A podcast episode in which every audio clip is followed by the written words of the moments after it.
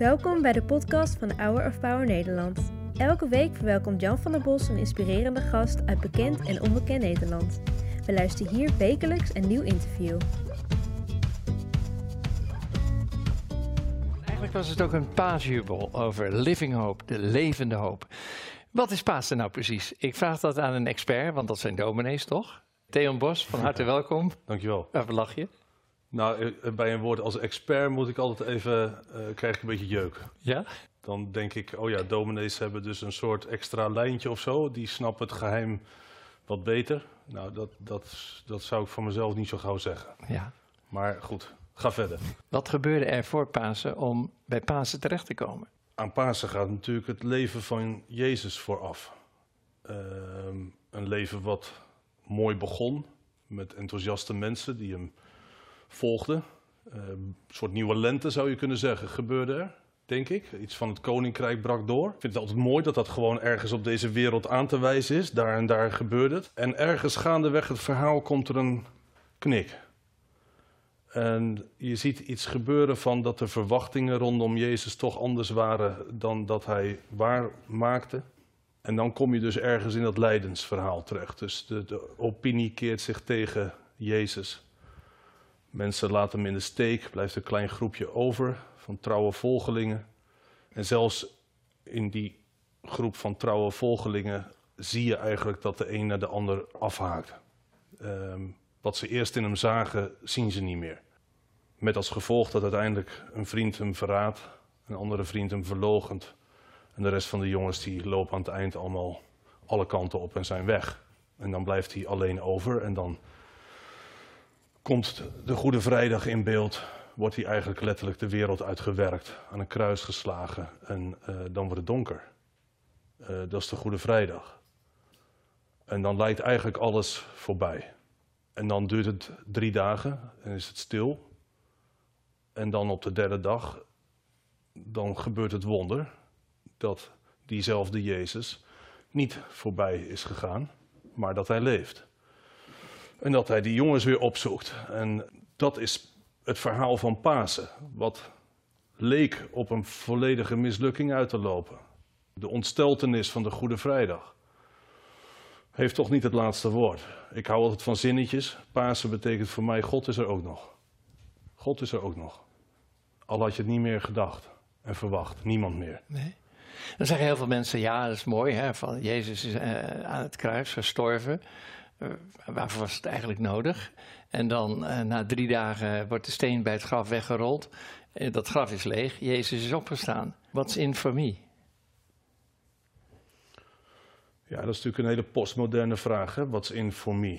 Ehm, maar goed, dat is wel een, een goede vraag natuurlijk. Ehm, die kan ik alleen maar vanuit mijzelf beantwoorden. Graag. Dan vind ik dat bij Pasen misschien soms bijna nog wat ingewikkeldst. Hè? Dan heb je toch het idee, tenminste Pasen is voor mij ergens altijd, ik eens gezegd, als je met Pasen moet preken, dan ben je een soort schilder die zijn plafond moet witten, maar je kan er net niet bij. Het is allemaal net niet ergens. Je cirkelt om een geheim, wat, ja, wat, wat zo'n andere werkelijkheid is. En, en wat, wat ergens je je vermogens overstijgt. Uh, maar als ik er dan iets van zou kunnen zeggen, dan zou ik zeggen, nou, mijn leven is ergens in die narratief van Jezus opgenomen. Uh, en dat wil zeggen dat, dat de Goede Vrijdag mij niet vreemd is. En de Goede Vrijdag deze wereld volgens mij niet vreemd is. Kijk naar Oekraïne. Kijk naar Oekraïne. Daar zie je toch de ontsteltenis van de Goede Vrijdag. Het is één grote duistere bedoeling geworden. Um, en je denkt, hier eindigt alles. Dit, dit, dit, deze wereld, dit leven eindigt in de desillusie. En in, in, de, in de ontsteltenis, in de, in, in de wanhoop. Uh, alles is voorbij. Jezus die dat ene belichaamde waar iedereen op hoopte, dat eindigt. Maar dat Jezus ging ook aan het kruis om voor onze zonde te sterven. Ja. Om voor ons nieuw leven mogelijk te maken, een nieuw begin. Mm -hmm. Voor mij is dan Pasen dat ik dat als God zelfs in die ontsteltenis gaat hangen, Jezus aan het kruis is voor mij God die in het donker hangt. En die dus ergens in mijn donker en in het donker van deze wereldnacht niet ver weg is. En als Hij erin komt, dan zal het ook Pasen worden. En dat bedoel ik met God is er ook nog. Dat ergens mijn leven en het leven van deze wereld door de hele ontsteltenis heen terecht zal komen. Dat is voor mij Pasen. Het komt goed. Het, ja, door die Goede Vrijdag heen. Ja. En die is, die is niet, waarachtig niet makkelijk. Dat alles eindigt. Dat vind ik eh, heftig. Ja. Eh, Maar we zingen ook. Daar juicht een toon, daar klinkt de stem die galmt. Door gans Ja. Jeruzalem, een heerlijk morgenlicht breekt aan. De Zoon van God is opgestaan. Ja. Waarvoor is hij opgestaan? Hij had ook in de dood kunnen blijven. Ja, maar dan zou de dood dus het laatste woord hebben. En de ontsteltenis en de vergeefsheid en de zinloosheid. En dat zou allemaal eindigen in die dood van de liefde zelf. En dat is niet gebeurd.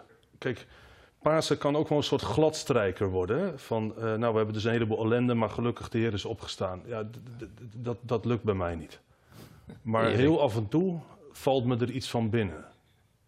En dan denk ik, en hem is het laatste woord. Ja. God is er ook nog. Ja. Ik stond laatst aan het graf van mijn vader. En dan zie je een kist in een kuil zakken van iemand waar je intens van hebt gehouden. En dan zegt de dominee, ik geloof in de wederopstanding van het lichaam. En dan, dan, dan vind ik dat heel ingewikkeld. En de volgende zondag geef ik een lied op. En dat was een paaslied. En het valt me te binnen. En denk, het is veel waar ook. Het is waar. Op dat moment overvalt me echt de, de pijn van de dingen die voorbij gaan. Eh, het gemis. Sowieso de, wat mij erg raakt is dat aan al het mooie dus ook een eind komt. hè, Hier. En dan zou ik wel eens willen dat je denkt, nou dan trek ik ergens een laadje open van, maar het is Pasen geworden. En soms valt het me toch te binnen. En denk, en God is er ook nog. Ja. Ook voor die vader van mij die daar nu in de kuil begraven is. God is er ook nog. God is er ook nog. Ja. Eh, dan ga ik terug naar de jonge Theon. Eh, had hij eh, roeping om dominee te worden? Want het lijkt er wel op. Nee, Nee? nee, nee helemaal niet. Oh. Ik voetbalde graag op straat. Ik was niet, helemaal niet bezig met wat er eigenlijk in het leven ongeveer gebeurde. Of ik ging naar de middelbare school, weinig gemotiveerd. Altijd aan het uitrekenen van nou wat kan ik halen om er net aan doorheen te komen. Mijn vader was econoom. Nou, het werd augustus. Ik, was ik had de middelbare school afgerond. Eh, er kwam natuurlijk een keer een punt van, ja, wat ga je nou studeren? Dus mijn broer zei op een dag, joh, er is ergens een open dag economie. Ik zei, nou, laat maar gaan. Dus wij daar naartoe en het stond me op zich wel aan. Dus ik ging economie studeren. Dus dat zegt iets over dat ik eigenlijk heel onbewust leefde. Ondertussen groeide ik op, natuurlijk gewoon in een betrokken kerkelijk gezin in Zegveld. En daar ging ik naar catechisatie met frisse tegenzin. En eh, die tegenzin nam eigenlijk alleen maar toe.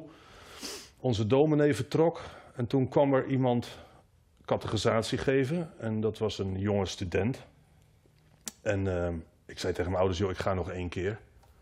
En ik ben gegaan. En eh, daar is iets gebeurd. Dat ik dacht, hier is eindelijk iemand die mijn ongeloof ook een beetje begrijpt. En eh, die dat ook herkent. Dus daar ontstond iets heel moois. En ehm, Toen hij wekte mijn interesse voor theologie. Voor alle vragen rondom leven, eh, God, zin, ook geschiedenis, eh, alles bij elkaar. Nou, ik ben nog even economie blijven studeren, maar ja, dat ging natuurlijk eh, niet goed. En toen ben ik in 2002 theologie gaan studeren. Absoluut niet met de gedachte om dominee te worden. Omdat je natuurlijk het, Ja. de- het profiel van de dorpsdominee kent. En ik dacht, dat niet. Daar pas ik niet in. Daar ben ik te... Ja, weet je, ik hou er ook van om een lekkere avond Champions League te kijken met een fles bier. Ehm, en ik, dat paste niet in het plaatje wat ik van de dorpsdominee van Zegveld had. Dus ik denk, dat wordt een harnas, daar ga ik, daar ga ik, eh, dat gaat niet. En ehm, nou, gaandeweg merkte ik toch dat ik denk, ja, maar ik wil wel, ik, ben, ik ga zo van die kerk Ja. houden. Daar wil ik mij aan geven. Ja. En eh, toen ben ik predikant geworden. Misschien is er bij mij in die zin ook wel iets veranderd. Dat mijn blik naar de gemeente aan het begin ook wel kritischer is geweest. Misschien wel eens te. En eh, dat ik het te weinig nog. Bonhoeffer heeft een keer gezegd, volgens mij, van. Als je niet geloven kunt dat deze verzameling mensen, die hier nu voor je ogen zit, als je niet kunt geloven dat dit de geliefde gemeente van Christus is, dan moet je stoppen. Over stoppen gesproken. En dat heb ik geprobeerd me steeds meer eigen te maken. Ja. Over stoppen gesproken, er kwam ook een tijd, want daar hangt je toga of, eh, over Ja. de stoel. Ja, Dat je dacht, nou, nu is het genoeg geweest. Ik ben een jonge dominee, ik ben er enthousiast aan begonnen, maar ik hang mijn toga letterlijk aan de wilgen. ja. Wat gebeurde er? Het heeft met mijn karakter te maken.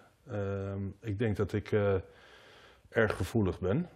Dus ik merkte dat ik de dingen die in de gemeente gebeurden eh, me erg aantrok. Als je nou door de week bij iemand bent geweest die echt op de puinhopen zit. En op zondag sta je op het rooster om voor te gaan. En je weet dat die ene ongeveer tien banken van je af iets links van het midden zit. Want ik weet precies waar iedereen altijd zit. Dat, dat, en dan moet ik mijn preek maken en dan denk ik bij iedere zin, als jij die nou hoort daar in die tiende bank. Ik, dit kan ik zo eigenlijk toch niet tegen je zeggen. Dit doet toch geen recht aan jouw puinhoop. En dan haalde ik hem maar weer weg. En dacht ik, hoe doe ik recht aan, die, aan dit Bijbelwoord en dan die puinhoop van die vrouw die daar zit. En dat brak me op.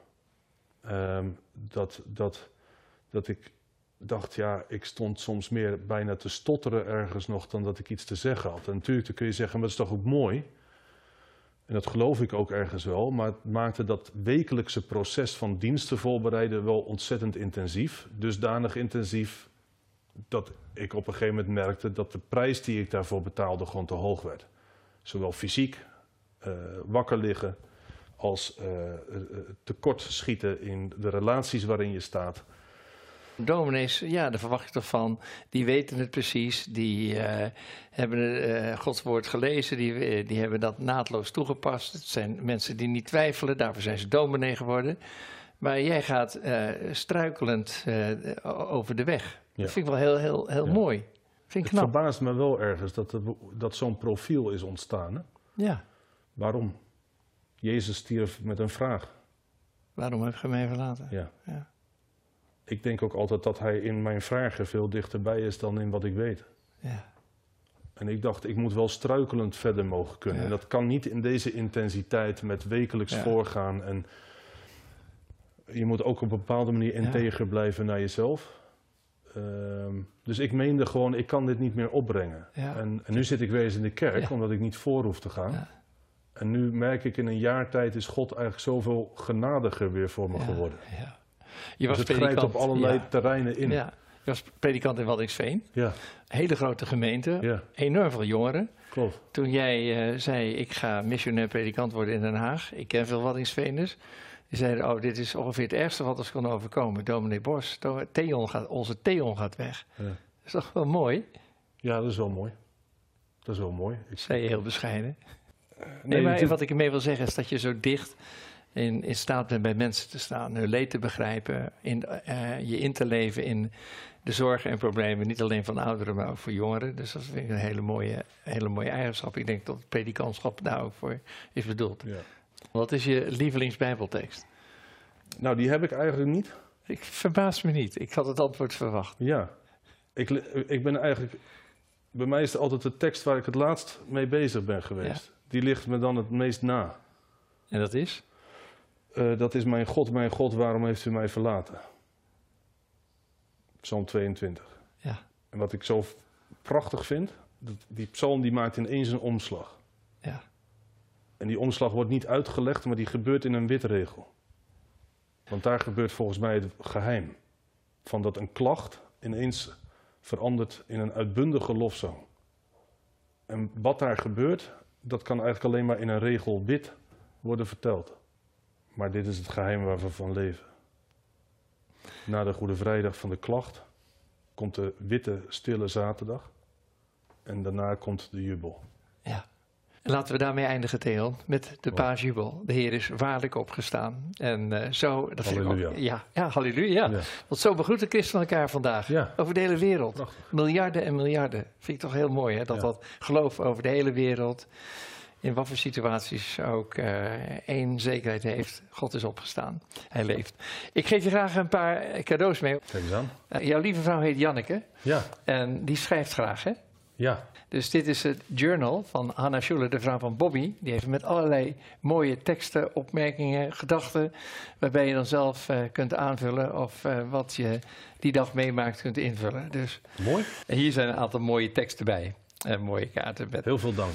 Wat Mooi. staat, eh, hoe begint Psalm 42? Het regent het, de jacht ontkomen, schreeuwt niet sterker naar het genot van de frisse waterstromen dan mijn ziel verlangt naar God. Is toch mooi je dat op Pasen kunt zeggen? Schitterend. Dit Is die is van een- mij? Die is weer, ja. die Oh, is- echt? Ja. Oh, heel mooi. Ja, dat is een dierbare psalm. Ja, hè? Ja, ja ik, dit is, deze psalm is eigenlijk de reden waarom ik dominee heb durven worden. Weet je dat? Oh joh. Ja.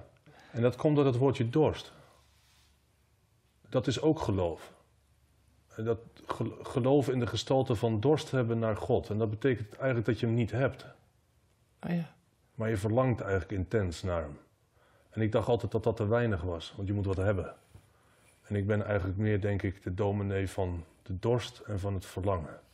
Ik geef me graag aan je. Mag ik jou hele goede paasdagen toewensen en dank voor je ja, toch wel unieke inkijkje in de betekenis eh, van Pasen. Graag gedaan. En wij gaan naar koorzang, traditioneel in eh, de ropes zoals dat heet. En dat prachtige lied. U zij de glorie, opgestaan Heer, u zij de victorie, nu en immer meer. Als er één paaslied is, dan is het dat wel. Bedankt voor het luisteren naar het interview van deze week. We hopen dat dit verhaal jou heeft bemoedigd. Wil je meer weten over Hour of Power of andere interviews bekijken? Ga dan naar www.hourofpower.nl